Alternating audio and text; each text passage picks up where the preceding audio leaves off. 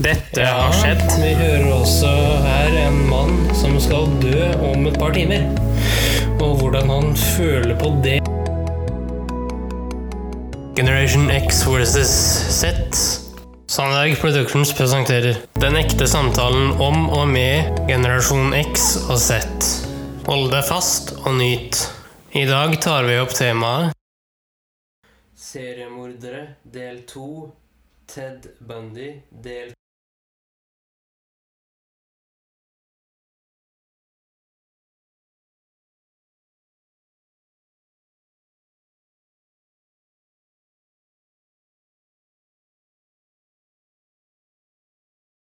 Hei, hei, kjære lytter. Hjertelig velkommen til en ny episode av Generation X versus eh, Z. Din formidler av eh, generasjonskløften mellom generasjonene X og Z. Dagens episode er eh, Ted Bundy del to, og for dere følsomme lyttere Det her det blir litt blod og gørr, og du hører på eget ansvar.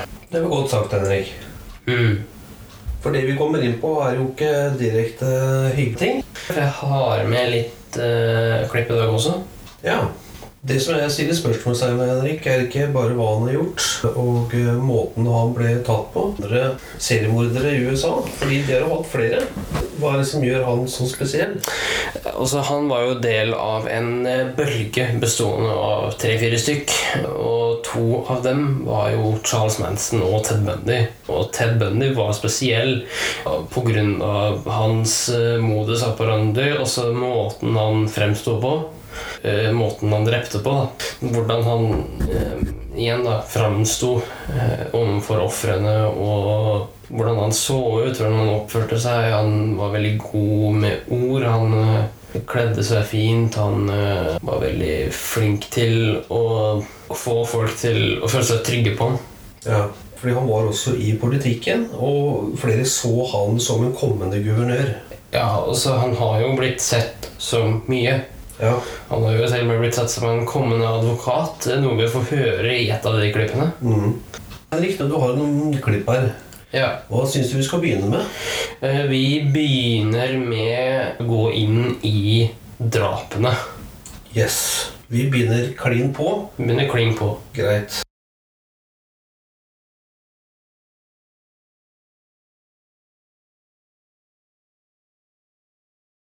His life ended in Florida's electric chair on January 24, 1989. His last words were Jim and Fred, I'd like you to give my love to my family and friends. He didn't ask for any kind of special final meal, so he was given the standard meal for Florida's death row, which was steak, eggs, hash browns, toast with butter, jelly, milk, coffee, and juice. According to reports, he didn't touch any of it.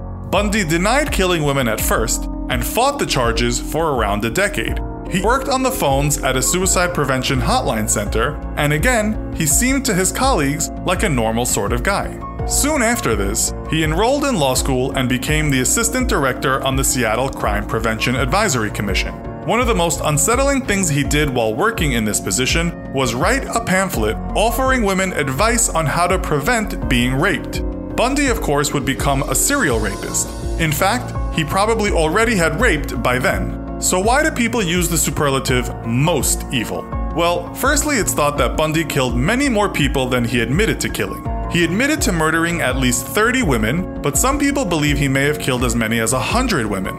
Bundy told different people different stories, but police investigating him believe that the killing may have started when he was just a teenager. This is just speculation though. It's widely believed that he kidnapped and killed an 8 year old when he was just 14, but there is no significant proof, and Bundy always denied that. We can say the real proof of his villainy started in 1974, when Bundy was just 27 years old. We can't go into details about every murder because there are too many, and we feel that some of the crimes are just too gruesome to describe to you.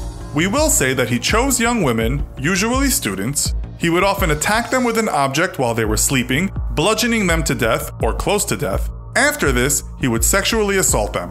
On other occasions, it's thought he would gain women's trust just because he knew how to talk, and sometimes he would wear his arm in a sling to give the women the feeling he was injured and so perhaps not very dangerous. Bundy would often decapitate his victims and sometimes keep the heads as a kind of trophy. Sometimes he would keep the bodies of his victims, even grooming them and applying makeup to them, and also performing certain acts with their lifeless bodies. This makes him a necrophiliac, perhaps something 99.99% of people on this planet just cannot understand. Many of his victims' bodies were never found. Did he have a conscience? He told police that he actually intended not to kill one of his victims, a 16 year old girl, and that he planned to allow her to go after he had sexually assaulted her. According to him, he wanted to give up killing, but he told the cops that he had accidentally strangled her to death as he was trying to stop her screaming. But one of the worst things is that Bundy was actually on the radar of the police for some time, but they just needed more evidence to arrest him for murder. It's likely they had no idea as to the extent of his viciousness. In 1976, he was charged with kidnapping and assault, and a year later, he was charged with murder. In prison, it seems escape was always on his mind, and at one point while serving time in Utah State Prison, he was found hiding outside the prison yard with a bag containing what was called an escape kit. Bundy was in some ways very smart, and he outfoxed authorities on many occasions. In 1977, he was sent to Pitkin County Courthouse, whereupon he asked to go to the library. He had chosen to defend himself, given his law experience, and so did not have to wear shackles and handcuffs. He said he wanted to visit the library to do some research. Whoever gave him permission to do so must have regretted it for the rest of his or her life, because Bundy jumped out of a window and ran. He headed towards Aspen Mountain and found an old abandoned cabin in the woods. Six days later, he was recaptured, was tired, hungry, and in pain due to a sprained ankle that resulted from his window jump. Believe it or not, Bundy would escape again, but he would get much farther relying on stolen cars and stolen food. After his next escape, he headed to Florida, and once settled, he went over to Florida State University's Chi Omega sorority house. There, he walked into dorms where female students were sleeping. He attacked four women in the space of 15 minutes, some sources say more like an hour, bludgeoning them and assaulting them in other ways. He killed two of them and left the other two with serious physical injuries and psychological scars that would last a lifetime. The community was in shock, and notices were left around campus warning students to keep their windows and doors locked. Years later, one of the surviving girls told the Washington Post I looked hard at him, but to this day I remember nothing. Bundy had used a blunt object to savagely and quickly beat the girls unconscious. At the time of the report, Bundy hadn't yet been executed. One of his victims, still bearing the scars of his attack, was asked if she wanted to see him die. He never gave any of us a stay, she said. The biggest injustice is that Margaret and Lisa had to die so violently, so young. It hurts all the time. But, she added, being a Christian, it is very difficult to watch him die. It's thought Bundy killed a young girl of 12 shortly after the attacks at the sorority house. He was later picked up for driving a vehicle listed as stolen. He tried to run, but to no avail. The cop who arrested him had no idea who he had got in his car. Apparently, on the way to jail, Bundy told the cop, I wish you had killed me. Films and documentaries have been made about this maniac, and you can even watch interviews of him on YouTube. Most people think he was a classic sociopath. He seemed to fly into rages, had a very high view of himself, could be very charming and articulate, and seemed to have a distinct lack of empathy. In one interview, Bundy blames not himself, but pornography for leading him down a very rotten path. He said it was possession that made him want to kill, the possession of taking a life, and later of keeping the body.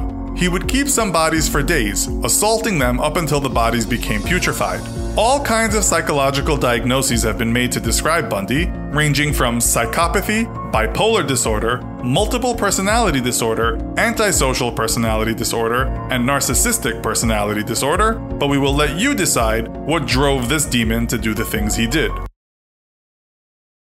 Ja, Hva tenker du om drapene, Henrik? Eh, altså, det blir jo fremstilt som han er veldig slu. Ja. Eh, noe han var. Eh, det han også gjorde, var at eh, han plukka altså opp haikere. Ja.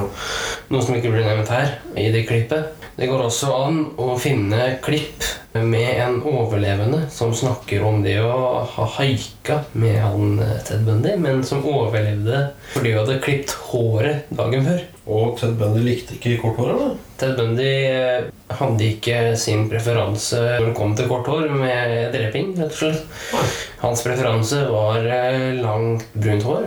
Ok. Eh, Og det pga. en gammel kjæreste.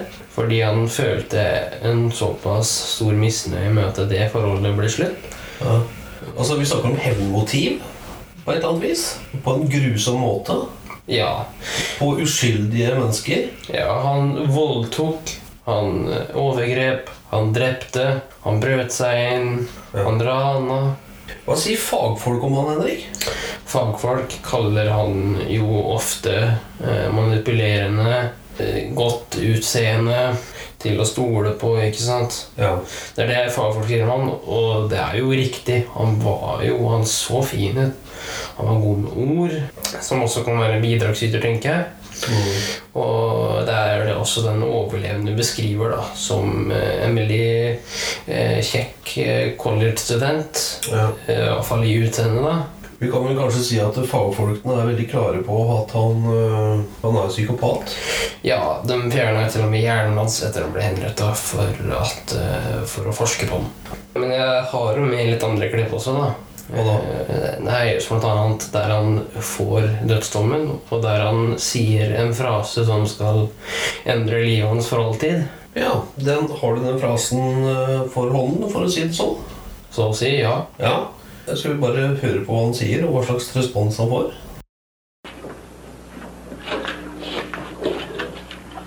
What do we have here, Ken? Let's see. Oh, it's an indictment, all right. Why don't you read it to me? You're you're up for election, aren't you? Mr. Bundy? guy got it, didn't you? Mr. You Bundy? told me that you told him that you were going to get me. He said he was going to get me. Okay, you've got the indictment. It's all you're going to get. Let's read it. Let's go. Theodore Robert Bundy, you are charged, indictment, two counts burglary, two counts murder in the first degree, three counts attempted murder in the first degree. Design or intent to effect the death of said Lisa Levy. My chance to talk to the press. Contrary to section 78204 Florida statute. I'll plead not guilty right now. And your grand jurors being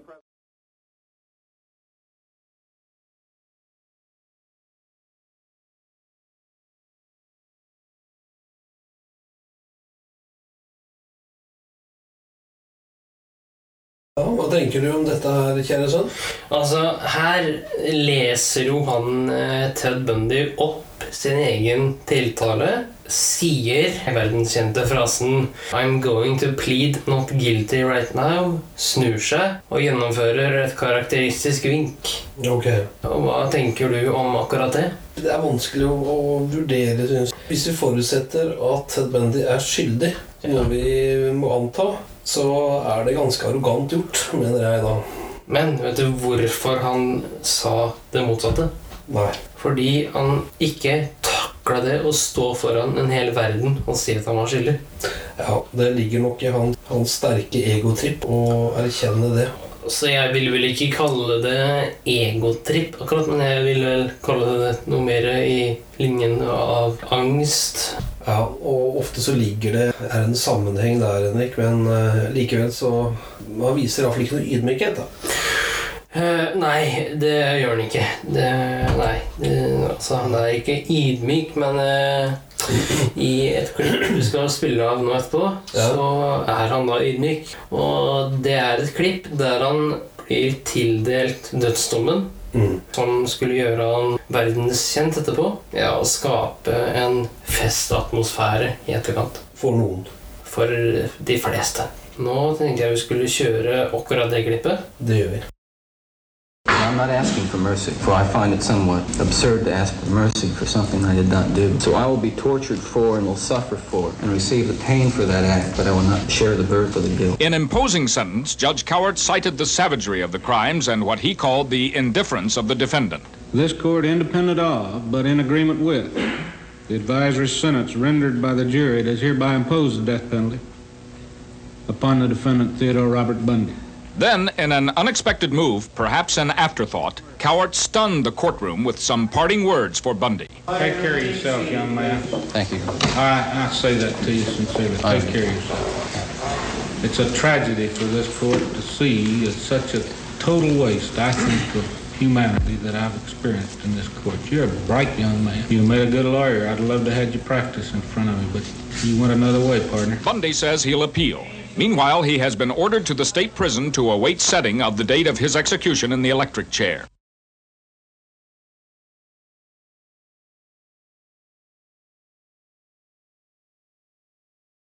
Nå fikk vi høre eh, det klippet hvor han får dommen, og reaksjonene fra Ted Bundy. Og ikke minst også en eh, ettertanke fra dommeren. Jeg vil ikke kalle det en reaksjon, men jeg vil kalle det et utsagn fra Ted Bundy. Ja. Eh, hvor han da eh, ber om å Han ber ikke om nåde, han ber om tortur. Han sier han skal tortureres. Han legger opp til å få lovens strengeste straff. ja. Som igjen da fører til en reaksjon fra dommerens side, som satte et lite støkk i meg, i hvert fall. Ja, kanskje litt en uvanlig uttalelse, kanskje, fra en, fra en dommer. Ja, men eh, jeg tror grunnen til det er fordi det er ikke vanlig for dømte å stille til eget forsvar. Han så kanskje potensialet i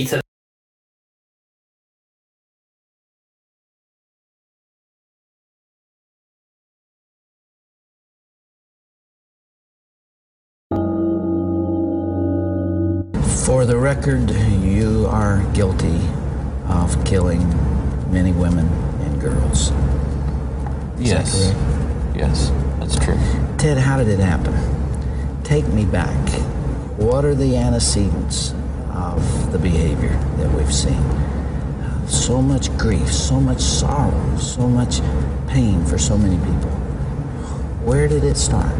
How did this moment come about? That's the question of the hour, and, and, one that not only people much more intelligent than I have been working on for uh, for years, but one that I've been working on for years and trying to understand. It is there enough time to explain it all? Uh, I don't know. I think I understand it though. Understand what happened to me um, to the extent that I, I, I can see how certain feelings and ideas uh, developed in me to the point where I began to act out on them. Certain very violent and very destructive feelings. Let, us go back then to those roots. First of all, you, as I understand it, were raised in what you consider to have been a healthy home. Absolutely. You were not physically abused. You were not sexually abused. You were not emotionally abused. No, no way. I, and that's part of the tragedy of this whole situation is because uh, I grew up in a wonderful home with two dedicated and loving parents, uh, one of uh, five brothers and sisters. A home where we as, our, as children were the focus of, of my parents' lives, where we regularly attended church, uh, two Christian parents who did not drink, they did not smoke, there was no gambling, there was no physical abuse or fighting in the home. I'm not saying this was leave it to beaver. It wasn't a perfect home. No, no, I don't know that such a home exists, but it was a fine, solid Christian home, and nobody, uh, uh, I hope no one will try to take the easy way out and to try to blame or otherwise accuse my, uh, my family of contributing to this because uh, I know, and I'm trying to tell you as honestly as I know how, what happened, and I think this is a message I want to get across. But as a young, a young boy, and I mean a boy of uh, 12 or 13, certainly, um, that I encountered outside the home again, uh, in uh, the local grocery store, or the local uh, uh, drugstore, the softcore pornography, what people call softcore. Um, but as I think I, I explained to you last night, Dr. Dobson, in an anecdote, uh, as young boys do, we explored the the back roads and sideways and byways of our neighborhood, and oftentimes people would dump the garbage and whatever they were cleaning out of their house. And from time to time, we'd come across uh, pornographic books of a harder nature than uh, more uh, graphic, you might say, more explicit nature than we would encounter, let's say, in your local grocery store. And this also included such things as, let's say, detective magazines and Those that involve violence. Yes, yes, and I, I, I and this is something I think I want to emphasize is the the, the, the most damaging uh, uh, kinds of pornography. And my again, I'm talking from personal experience, uh, hard, real personal experience. The most damaging kinds of pornography are those that involve violence uh, and sexual violence. Because the wedding of those two forces, as, as I know only too well, brings about behavior that is just uh, is just uh, too terrible to describe. Now, walk me through that. What was going on in your mind at that time? Okay, before we go any further, I think I mean, it's important to me and, uh, that people that people believe what I'm saying to tell you that that I'm not blaming pornography and not saying that it caused me uh, to go out and do certain things. And I take full responsibility for whatever I've done and all the things that I've done. That's not the question here. The question and, and, and the issue is how this kind of literature contributed and helped mold and, and shape the kinds of violent behavior. It fueled your fantasies. Well, in, in the beginning, it fuels this kind of thought process. Then, it, at a certain time, it's instrumental in what I would say crystallizing it, make it in, making it into something which is almost an, like a separate entity inside. And that in, at that point, you're at the verge, or I was at the verge of acting out on this on this kind of these kinds of thoughts. Now, I really want to understand that. You had gone about as far as you could go in your own fantasy life mm-hmm. with printed material, and you made or printed and video or film or film photos, magazines, yeah. what have you. And and then there was the urge to take that little step or big step over to a physical right. uh, event. And it happens it, it, happened in stages, gradually. It doesn't necessarily, not to me at least, happen overnight. My experience with, I'd say, pornography generally, but with pornography that deals on a violent level with sexuality, um, is that once you become addicted to it, and I look at this as a kind of addiction, uh, like other kinds of addiction, of addiction, you keep, I would keep looking for more potent, more explicit, more graphic kinds of material. Like an addiction, you keep craving something which is harder, harder, something which which gives you a greater uh, sense of, of, of uh, excitement. Until you reach the point where the pornography only goes so far. You reach that jumping off point where you begin to wonder if, if maybe actually doing it will give you that which is beyond just reading about it or looking at it. How long did you stay at that point before you actually assaulted someone? Well, yeah, you see,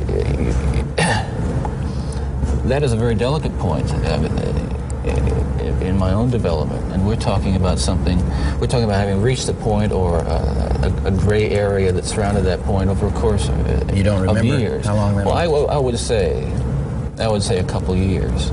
And what was I was dealing with there were very strong inhibitions against criminal behavior or violent behavior that had been conditioned into me, bred into me in my environment, in my neighborhood, in my church, uh, in my school.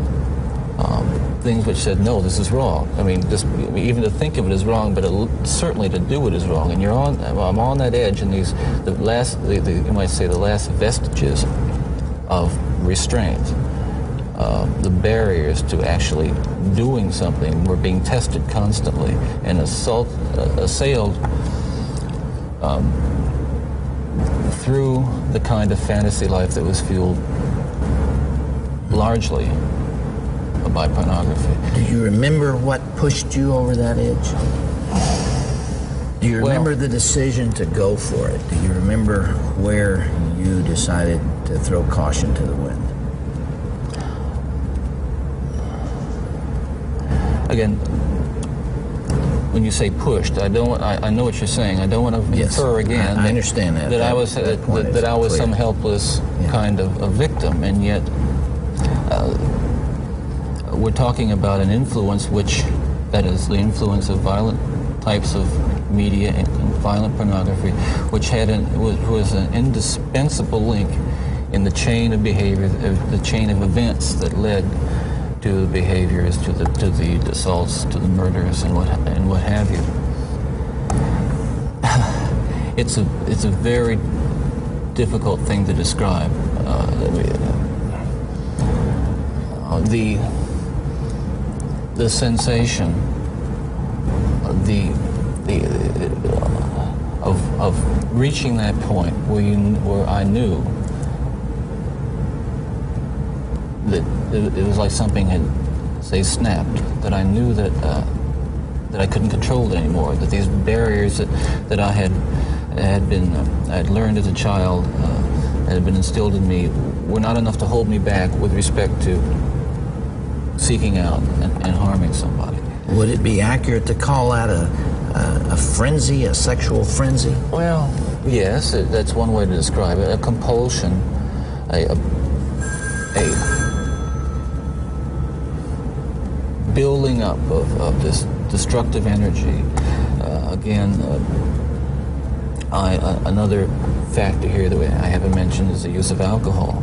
But I think that, that what alcohol did, uh, in conjunction with, let's say, my exposure to um, pornography, was alcohol reduced my inhibitions. At the same time, um, the, the, the fantasy life that was fueled by pornography um, eroded them further. In the early days, you were nearly always about half drunk when you did these things. Is that right? Yes. Yes. Uh, was that always true? I I would say that that was generally the case, yeah. almost with, with, without exception. All right, if I can understand it now, there's this battle going on within. There are the conventions that you've been taught. There's the right and wrong that you learned as a child, mm-hmm. and then there is this this uh, unbridled passion uh, fueled by uh, your plunge into hardcore violent pornography and those things are at war with each other. Yes. And then with the alcohol diminishing the uh, the inhibitions, uh, you let go. Well, yes, and to you can summarize it that way, and that's accurate certainly. And it, it just occurred to me that some people would would say that, well, I I've seen that stuff and it doesn't do anything to me, and I can understand that. I don't virtually everyone uh, can be exposed to so-called pornography, and while they're aroused to it to one degree or another, and not go out and do anything wrong. Well, addictions are like that. They affect some yeah. people more than they affect others. Well, but there is a percentage of people affected by hardcore pornography in a very violent way, and you're obviously one of them. That was a major component, and I don't know why I was uh, vulnerable to it. All I know is that. Uh, that it, uh, that it had an, an, impact on me uh, that was just so uh, central to the development of the violent behavior that I engaged in. Ted, after you committed your first murder, what was the emotional effect on you? What happened in the days after that?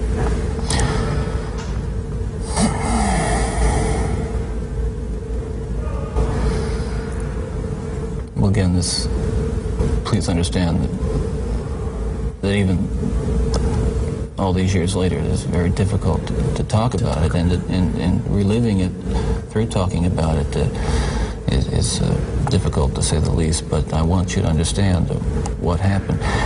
It was like coming out of some kind of horrible trance or, or dream. Um, I can only liken it to after, you know, I, I don't want to over dramatize it, but to have been possessed by something so awful and so alien, and then the next morning wake up from it, remember what happened, and realize that basically, I mean, in, in the eyes of the law, certainly in the eyes of God, you're responsible. Uh, to have to wake up in the morning and, and realize what I had done, and with a clear mind and all my essential moral and ethical feelings intact at that moment. Uh, uh, absolutely horrified that I was capable of doing something like that. You really hadn't known that before? Uh, there is just absolutely no way to describe first the brutal urge to do that kind of thing and then what happens is once it it has been more or less satisfied and recedes, you might say, or is spent that, that sense, that kind of energy level recedes. And basically, I became my, myself again. I, I want people to understand this too, and I'm not saying this gratuitously because it's important that people understand this. That basically, I was a normal person. Uh, I, I wasn't uh, some guy hanging out uh, at bars or a bum, or um, I wasn't a pervert in the sense that you know people look at somebody and say, "I know there's something wrong with him," and just tell. I mean, I I was essentially a normal person. I had good friends. I I uh, I led a normal life, except for this one small but very potent and very destructive segment of it that I kept very secret and very close to myself and didn't let, let anybody know about it. And part of the shock and horror for my dear friends and family when, years ago when I was first arrested was that they just, there was no clue. They looked at me and they looked at the, you know, the, um, the all-American boy, and I'm, uh, I mean, I wasn't perfect, but it was, it was it, I want to be quite candid with you. I was, it, yeah. I was okay. Okay, uh, I was. Uh, the basic humanity and, and, basic spirit that God gave me was intact, but it, unfortunately it became overwhelmed at times. And I think people need to recognize that it's not some kind of the, the, the, those of us who are who have been so much influenced by violence in the media, in particular pornographic violence, are not some kinds of inherent monsters. We are your sons and we are your husbands. And we grew up in regular families, and pornography can reach out and snatch a kid out of any house today. He, he snatched me out of my home. It snatched me out of my home 20, 30 years ago. And as diligent as my parents were, and they were diligent in protecting their children. And as good a Christian home as we had, and we had a wonderful Christian home, uh, there is no protection against the kinds that the kinds of influences that are loose in the society that, that, that tolerates. You, you feel this really deeply, don't you? Ted, outside these walls right now, there are several hundred reporters that wanted to talk to you. Yeah. And you asked me to come here from California because you had something you wanted to say. This hour that we have together uh, is not just an interview with a man who's scheduled to die tomorrow morning. I'm here and you're here because of this message that you're talking about right here. You really feel that hardcore pornography and the doorway to it, softcore pornography, is doing untold damage to other people and causing other women to be abused and killed the way you did others. Listen, I'm no social scientist, and I haven't done a survey. I mean, I, I don't pretend that I know what John Q. Citizen thinks about this. but I've lived in prison for a long time now. And I've met a lot of men who were motivated to commit violence just like me. And without exception, every one of them was deeply involved in pornography without question, without exception, deeply influenced and consumed by an addiction to pornography. There's no question about it. The FBI's own study on serial homicide shows that the most common interest among serial killers is pornography. That's true. And it's and it's real. It's true. Ted, what would your life have been like without that influence?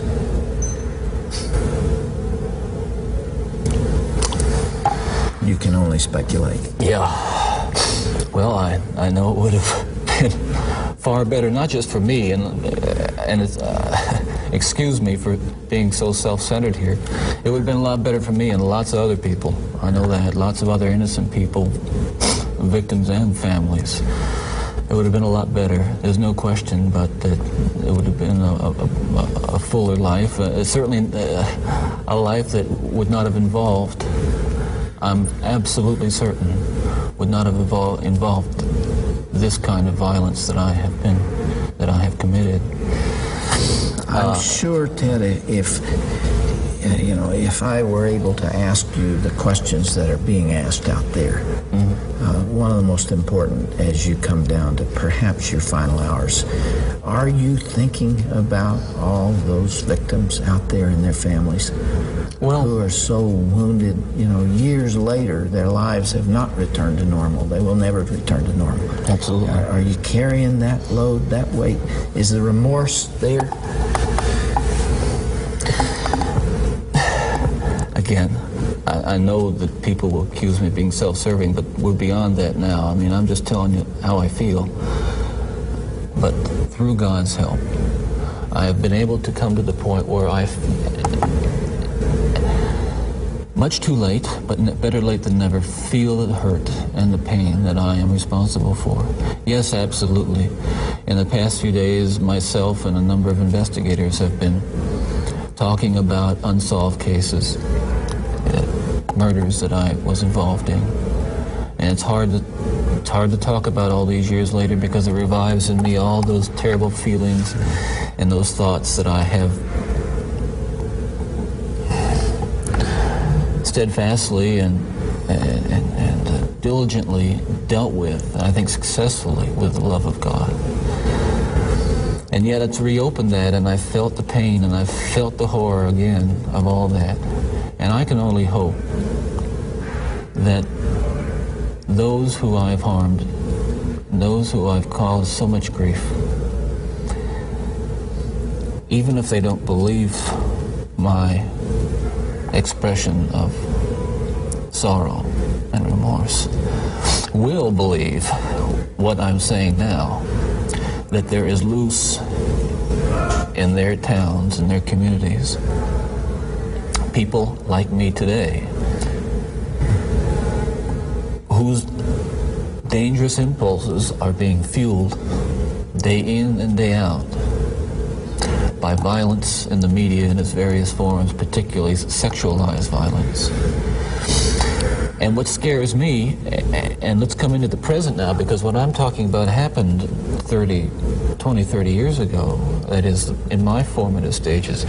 And what scares and appalls me, Dr. Dobson, is when I see what's on cable TV some of the movies. I mean, some of the violence in the movies uh, that come into homes today with stuff that they that they wouldn't show in X-rated adult theaters 30 years ago. This stuff. The slasher movies that you're talking about.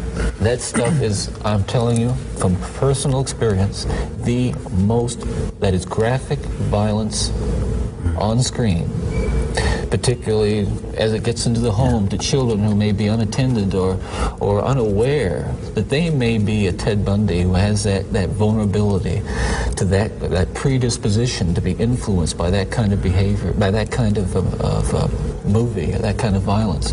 There are kids sitting out there switching the TV dial around and come upon these movies late at night or I don't know when they're on, but they're on and any kid can watch them. It's scary when I think what would have happened to me if I had seen. It was scary enough. I mean, that I just ran into stuff outside the home, but to, to, be, to, to know that children are watching that kind of thing today, or can pick up their phone and dial away for it or send away for it. Uh, Can you help me understand this desensitization process that took place? Uh, what was going on in your mind? Well, by desensitization, I, I describe it in specific terms is that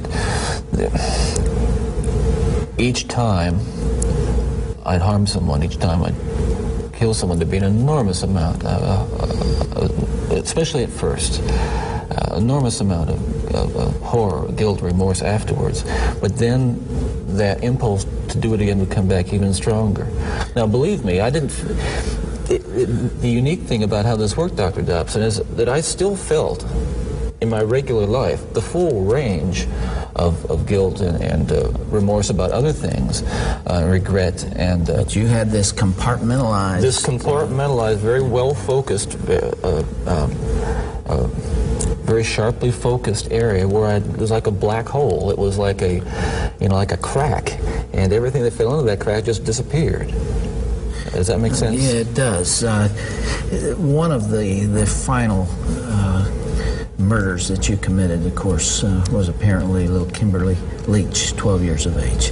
Uh, I think the, the public outcry is greater there because an innocent child was taken from a from a playground. What did you feel after that? What was there? Were there the normal emotions three days later? Where were you, Ted? I. I can't really talk about that right now. That's. Yeah. That's too painful. I would like to. Uh, I'd like to be able to convey to you what that that uh, that experience is like, but I can't. uh, I won't be able to talk about that. Okay.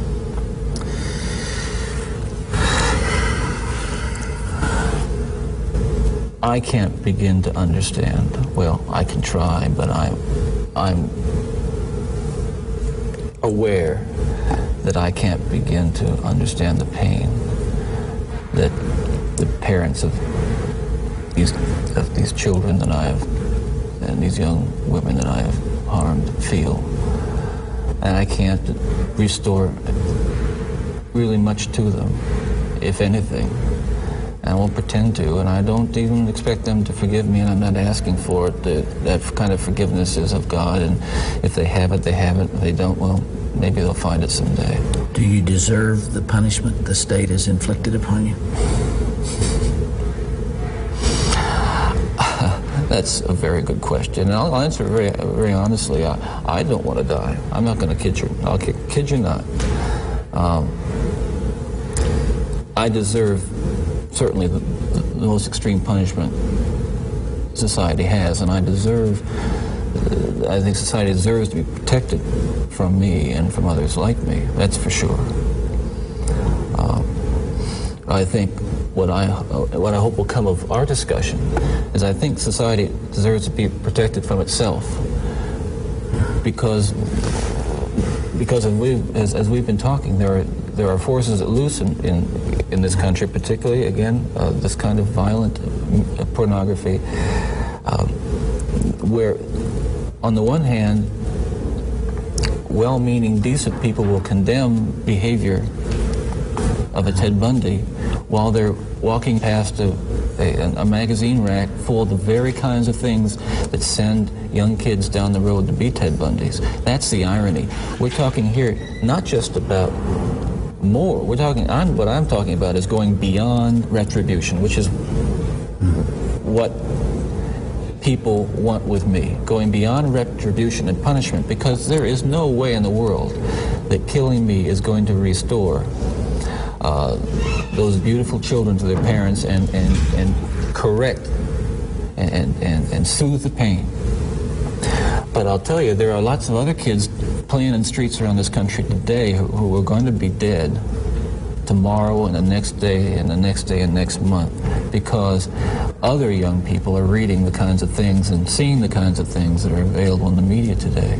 Ted, as you would imagine, there's tremendous cynicism about you on the outside, and I suppose for good reason. Um, I'm not sure that there's anything that you could say that people would uh, would believe. Some people would believe. Yeah. And uh, and yet, you told me last night, and I've heard this through our mutual friend John Tanner, that you have uh, accepted the forgiveness of Jesus Christ and uh, are a follower and a believer in Him. Do you draw strength from that uh, as you approach these final hours? I do. I can't say that uh, it's going to be being easy. in the, the valley of the shadow of death is is something that I've become all that accustomed to, and that I'm you know, and that I'm strong and uh, uh, nothing's bothering me. Uh, listen, it's no fun. It's it's uh, you know it's it's uh, it gets kind of lonely, and yet I have to remind myself that every one of us uh, will go through this someday in one way or It's another. appointed and, unto man. and countless uh, millions who have walked this earth before us have. So this is just an experience which we all share. And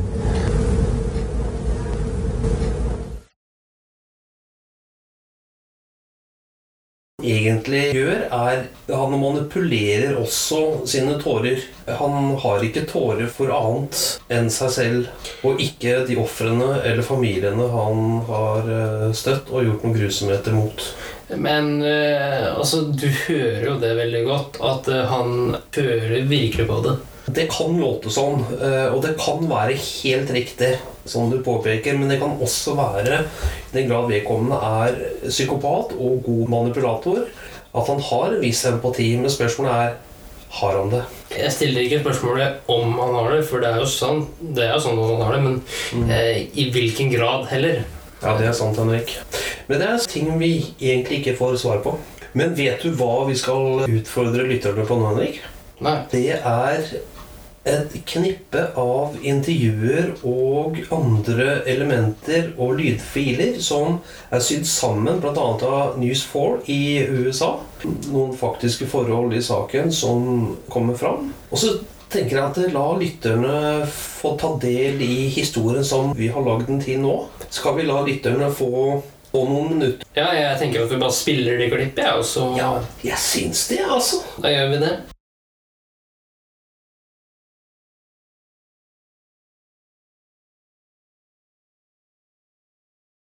There have been other notorious serial killers. David Berkowitz, New York's son of Sam, who killed six women. Henry Lee Lucas, who claimed to have killed hundreds in the Southwest.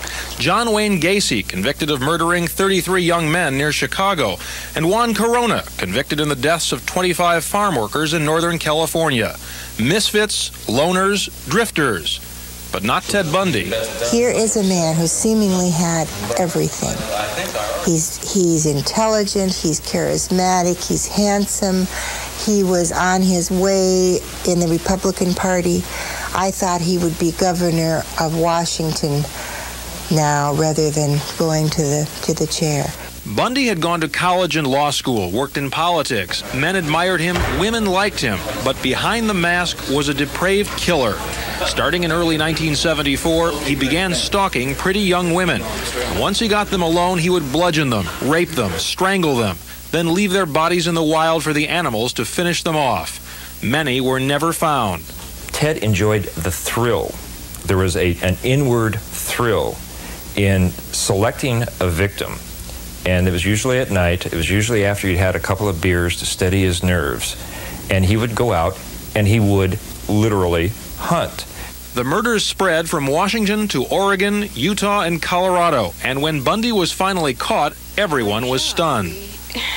We still don't believe it. It just just can't be. I keep shaking my head day after day, saying, "How can this be?" Because our son is the best son in the world. He's a very normal, active boy.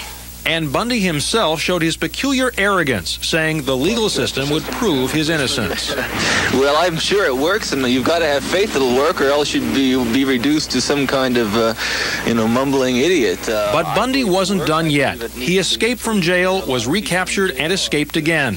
Changing his appearance like a chameleon, Bundy continued to kill until his bloody journey brought him to Florida, where in January of 1978 he went wild in this sorority house, viciously assaulting four women. Two died. A month later, he raped and strangled a 12 year old girl. Shortly after, Ted Bundy was caught. Since I have been in Dade County, I've been allowed to... Shake your finger at me, young man. Don't shake your finger at me, young man. Bundy's trial, complete with live TV cameras and the defendant acting as his own lawyer, was a national sensation. Finally convicted and sentenced to die, Bundy still refused to accept the blame for his crimes. Because it is not a sentence of me, it is a sentence of someone else who's not standing here today. Ted's a sociopath, and antisocial personality. They have no consciences as, as we know it. They truly feel no empathy for other people. They don't understand other people's pain. The rest of us are there to make them feel better. Bundy's been consistent to the end. It was only this weekend that he began admitting his crimes, thinking it would buy him some time. Today, Connie Wilcox learned that Bundy had confessed killing her daughter Nancy 14 years ago. Ted Bundy needs to die. He needed to die 10 years ago or longer. Before his 1989 execution, Bundy confessed to murdering 30 young women in seven states during the 1970s. He was not uh, mentally ill in the sense of somebody who was psychotic, didn't know what he was doing. He knew very much what he was doing. And it was that very normal but charismatic image of a preppy college student that allowed Bundy to get close to young women who would become his victims. He first arrived in Salt Lake City in August 1974 to study law at the University of Utah. But in the fall, young women started disappearing. Nancy Wilcox was the first, a 16 year old who walked out of her home in Holladay, never to return. At the time, Wilcox and Kent had no idea who they were dealing with. Bundy left a trail of victims behind in Washington state in 1974. Police across parts of the Northwest were investigating the disappearances of nine women. The only clue was a young man named Ted who might be driving a Volkswagen. The year is 1978. President Jimmy Carter rides high as he shares a Nobel Peace Prize. But conflict continues in the Middle East as Israeli troops move into the Lebanon.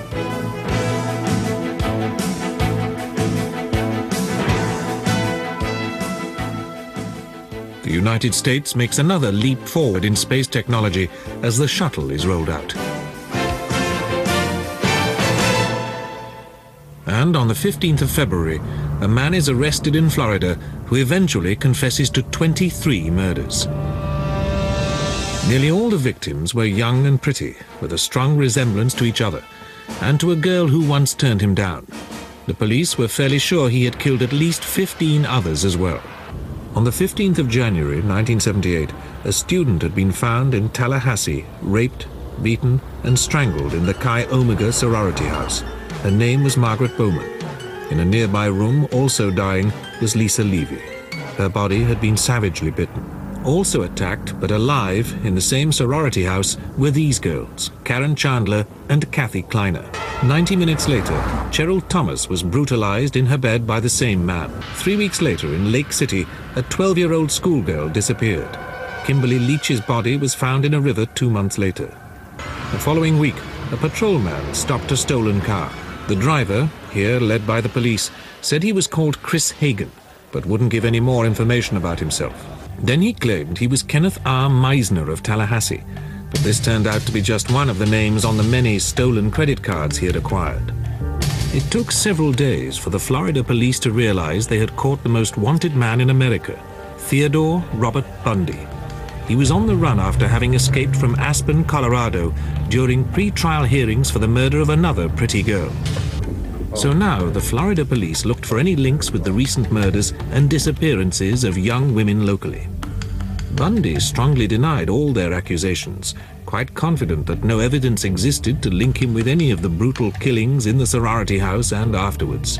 But his composure slipped when the police followed up the bite marks left on Lisa Levy. He violently resisted, and six men had to hold him down in his cell to take wax impressions and these photographs. The pattern of his teeth fitted with the marks on Lisa Levy's buttocks. Now he set about charming his captors. Everyone who met Ted Bundy agreed that he was intelligent, cultured, and personable. Very few people could believe he was a crook, let alone one of the most savage serial killers ever. What they couldn't know was that he was a classic psychopath, internally raging and able to kill without remorse. Unusually for a serial killer, he was also very attractive to women, which was why so many girls fatally allowed themselves to be picked up by him. At Stanford University, he got engaged to a girl who had dark hair parted in the center, but she broke it off, saying he was emotionally immature. Psychiatrists have speculated that this was the trigger which set him off. Nearly all the 40 girls who were later to disappear when they came into contact with Ted Bundy had center-parted dark hair as well. In California, he volunteered to help the local Republicans, but was soon in trouble for dirty tricks. When found out, he was boyishly unrepentant and typically charming. It's hard for me to believe that what I did is newsworthy, and my part in the campaign was so insignificant, I'm embarrassed that I should be getting this publicity from it. Uh, really embarrassed. At the end of the 1960s, he moved to Seattle, got a psychology degree, and entered law school. In 1974, girls started to disappear. There were eventually 3,500 suspects on the state computer, Number seven was Ted Bundy, but by the time the police reached his name, he had moved on. In August 1974, the disappearances in Washington ceased. Bundy was in Salt Lake City, and women started disappearing there. Over the next six months, a series of other girls disappeared in the Salt Lake City area. On the 16th of August 1975, Sergeant Bob Hayward challenged a suspicious Volkswagen. It drove off wildly. Stopped after a chase, it proved to contain masks and handcuffs. The driver was arrested. It was Ted Bundy. When credit card slips proved he was lying when he said he had never been to Colorado, he was charged with kidnapping and attempted murder. Other states became interested. After a legal battle lasting 13 months, he was found guilty of aggravated kidnapping. He then faced further charges. I have got to keep myself together. I have got to stay calm. I've got to keep my presence of mind because as long as I do that, I'm going to beat these people. His first attempt to beat them was an unexpected escape. Released from his chains and left in the courthouse library, he jumped from this window for five days before coming back through the roadblocks to steal a car. He was rearrested a few blocks from where he had escaped. So now he slimmed down, until at the end of 1977 he was thin enough to make another escape, this time through a hole he cut in the ceiling of his cell. By the time the alarm was raised, he had driven to Denver in a stolen car and hopped a plane to Chicago. From there he flew to Florida, where his urge to kill overwhelmed him. Shortly after the Tallahassee and Lake City killings came his capture in the stolen car. Despite the telltale tooth marks, the state authorities were afraid they didn't have a certain case. They offered a deal, plead guilty, and they wouldn't request the death sentence. Bundy contemptuously refused. He also complained during the pre-trial hearings that his defense team had shut him out of preparations, but the judge was unimpressed. This court is finding clearly, unequivocally, you've had the most excellent counsel I've ever seen any defense attorney in, the, in any defendant in the state of Florida ever had. Nevertheless, Bundy insisted on taking over his own defense. And the court had to rule on whether he was sane enough to be able to do so. The man is difficult to work with. He's almost uh, uh, cunning in the way that he works against his lawyers sometimes, and he reaches a level where he's unbearably hard to work with. But all of that uh, notwithstanding, the doctors told us that it does not meet the test for legal insanity, legal incompetence. As he took over, Bundy clashed with the trial judge, Edward Cowart. Mr. Bundy? Yes, The court wants to talk to you, man. Come up to the bar here. I want to tell you something, young man, and I want to tell you clearly and unequivocally so you understand. This court is not going to follow your schedule. Since I have been in Dade County, I have been allowed Don't to... shake your finger at me, young man. Don't shake your finger at me, young man. Bundy had been protesting about not being allowed in the library to prepare his defense, and he continued with delaying tactics, which had the trial moved from Tallahassee to Miami and put back from October 1978 to June 1979. When the jury had finally been selected, Bundy shrewdly won some key legal points, getting both his record and his taped statements ruled inadmissible. With his law school background, Bundy was dispassionate and professional. Can you describe what you saw when you lifted up the cover? As much detail as you can recall. and If you need to use your report, please feel free to do so. There was a considerable amount of blood around her head, uh, matted in her hair, on the walls. Um, there was uh, what appeared to be a nylon stocking netted around her neck. And you cannot recall any debris other than blood? Is that your testimony? Is that your recollection? That's the best of my recollection, yes, sir. Bundy claimed that the prosecution's exhibits could all be innocently explained. The masks found in his car were for skiing. The metal pipes were not weapons, but parts of his car. The nylon stockings not for strangling, but for wearing. The prosecutor said that on the contrary, they all proved that the crimes had been carefully planned. This man premeditated this murder. He knew what he was going to do before he did it. He thinks he is smart enough to get away with any crime. The prosecution produced a key witness, student Nita Neary, who saw a man coming out of the sorority house that night. What I noticed most with the profile was uh, had a very prominent nose, uh, a straight bridge that almost came to a point, not quite, uh, very thin lips. Um, Do you see that man in the courtroom? She was asked, in one of the trial's most dramatic moments. Her response was clear. This was damning enough, but the clincher was the savage bite on Lisa Levy. The defendant in this case, Theodore Robert Bundy, was responsible for leaving those bite marks on the buttocks of Lisa Levy. Bundy claimed they weren't his, but dental evidence was overwhelming. The trial took a month, but on the 23rd of July 1979, the jury needed only seven hours to reach their verdicts on a long list of indictments. The verdict was guilty, and all that Bundy could do now was to try to avoid a death sentence. With his usual cheek, he said that if he was sentenced to death, it would lower the court to the level of a murderer. I'm not asking for mercy, for I find it somewhat absurd to ask for mercy for something I did not do. As Bundy's mother listened, the judge had no hesitation in passing the death sentence. She was struck several times about the head. She had a ligature around her neck, which was a pantyhose that strangled, caused her death. The beating was vicious, vile, and wicked and atrocious. It is further ordered that on such scheduled date that you be put to death by a current of electricity sufficient to cause your immediate death, and such current of electricity shall continue to pass through your body until you are dead. There followed almost nine years of appeals. When his last appeal failed, Bundy tried to delay his execution by starting to confess. His mother was devastated. We don't want to believe that these things happened, but uh, it sounds like at least some of them did, unless he's making it all up. Why would he make it up? When even this tactic failed, he used pleading. What I'm talking about is going beyond retribution, which is what people want with me. Going beyond retribution and punishment, because there is no way in the world that killing me is going to restore uh, those beautiful children to their parents and, and, and correct and, and, and, and soothe the pain.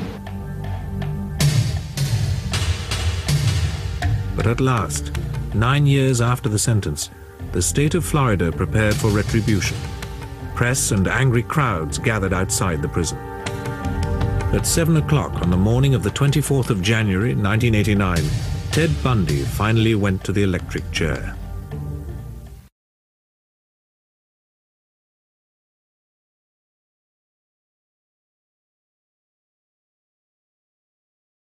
Ja, nå er jeg spent på hva lytterne tenker. Ja, og med det så kan vi vel kanskje runde av den serien her. Ja. Da sier jeg tusen takk, Henrik, for en reise i Ted Bundys liv og det han medførte av grusomheter. Jo, selv takk. Nei, dere to var jo i live samtidig. Ja, vi var det, men jeg kan jo ikke huske det, vet du. Nei, men eh, du eh, skulle kanskje visst mer enn meg om han eh, da. Ja, men sånn var teknologien den gangen, altså. Det var jo ikke all verden, Henrik. Tusen takk for nå, Henrik. Jo, tusen takk for nå, da. Ja, hyggelig å være her sammen med deg. Ja, takk det samme. ja, ha det godt. Ha det.